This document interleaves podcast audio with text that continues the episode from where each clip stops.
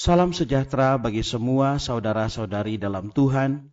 Di tengah masa pandemi yang berkepanjangan, yang kemungkinan mengauskan iman dan harapan kita, kami dari Yasperin ingin menguatkan anak-anak Allah dengan program Firman Tuhan di tengah pandemi. Dalam keadaan seperti saat ini, kita memerlukan firman Dia yang menopang segala yang ada dengan firman-Nya yang penuh kekuasaan. Kasih karunia Tuhan Yesus menyertai kita semua. Saudara-saudari yang dikasihi oleh Tuhan Yesus Kristus, selamat bertemu kembali dalam program Arus Heart Voice.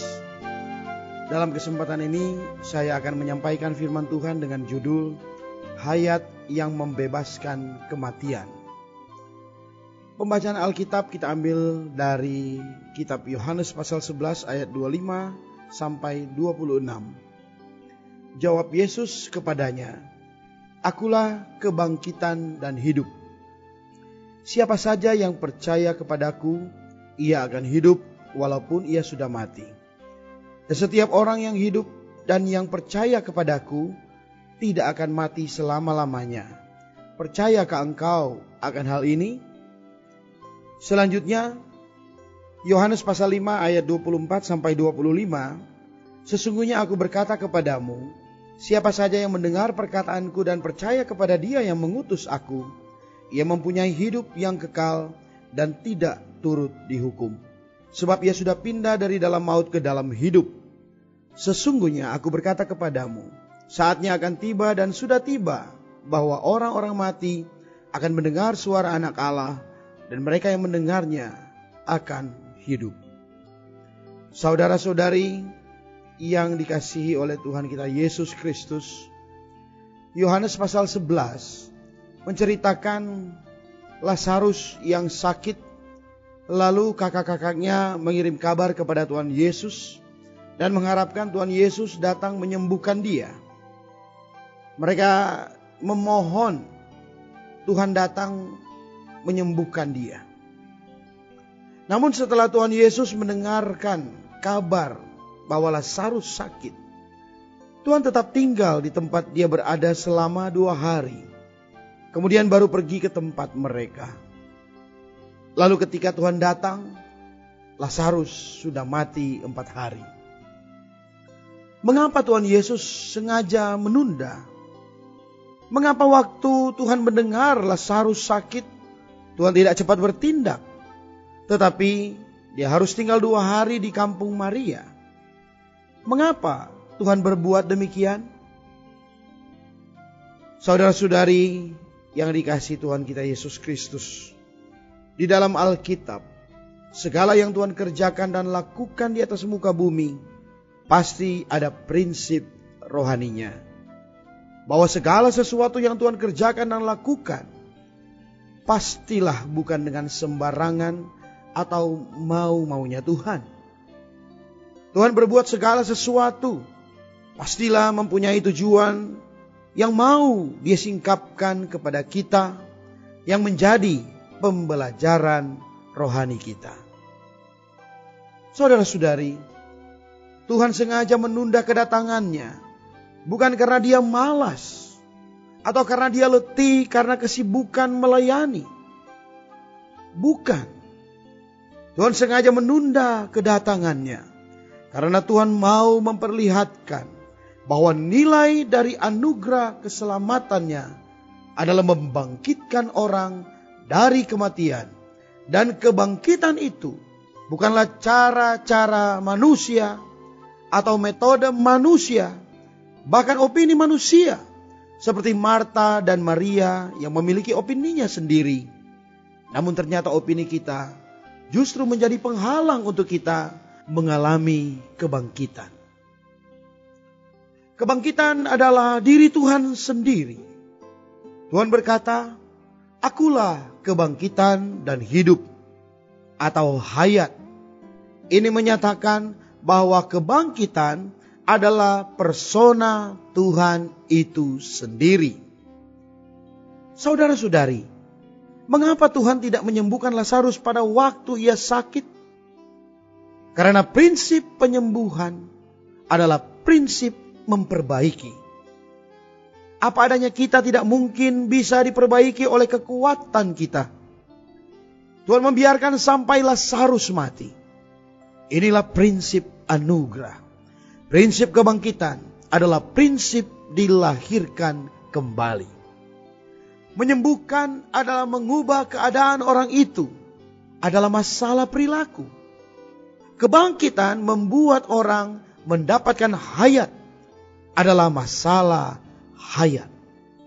Saudara-saudari, begitu seseorang beroleh selamat, hasilnya adalah kebangkitan.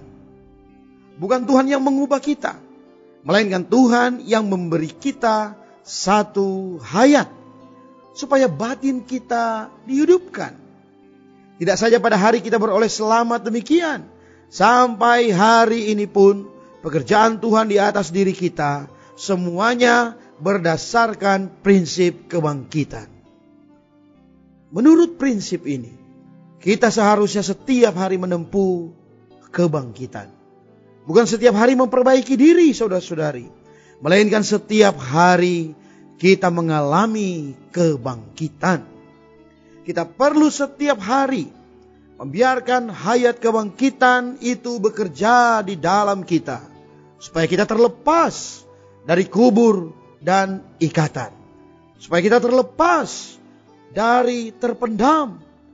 Juga terlepas dari pengikatan yang membuat kita tidak bebas. Barang-barang yang mengubur kita, hal-hal yang mengikat kita, semuanya terlepas dari kita. Karena hayat kebangkitan bekerja di dalam diri kita. Mari kita berdoa. Ya Tuhan Yesus, aku bersyukur karena Engkaulah kebangkitan. Ada Engkau, ada kebangkitan. Ya Tuhan, aku mau hidup di dalam kebangkitan, yaitu membiarkan Engkau bekerja di dalam aku, menjadikan Engkau kenikmatan satu-satunya di dalam hidupku, bukan metode, bukan cara, bukan opini, tetapi Kristus yang diperhidupkan di dalam aku. Amin. Demikianlah firman Tuhan. Sampai bertemu kembali di kesempatan berikutnya. Kasih karunia-Nya menyertai kita sekalian.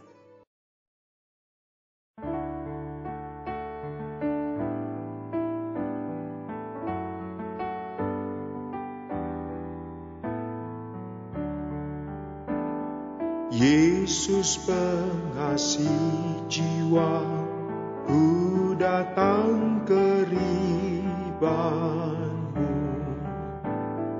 Ombak dahsyat menggulung, hujan badai menganggung.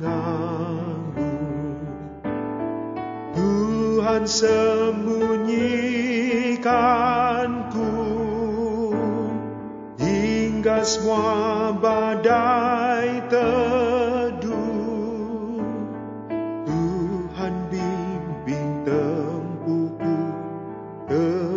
Terimalah jiwaku. Tiada lain pelindung jiwa, hanya Yesus Tuhanku. Tuhan jangan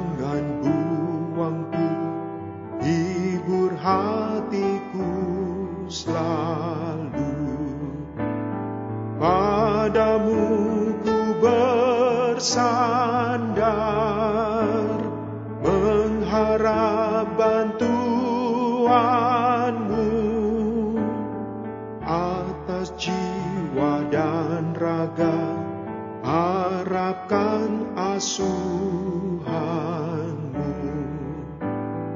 Tuhan kaulah segalaku Penuhi semua perluku Ku jatuh Tuhan angkat Ku sakit disembuhkan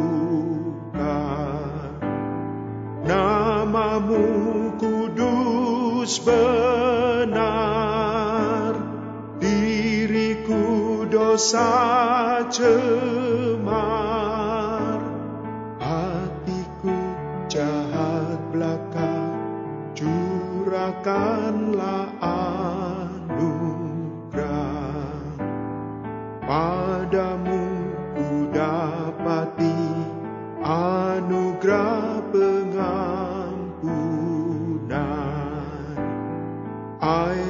hayatmu mengalir Basurawati yasan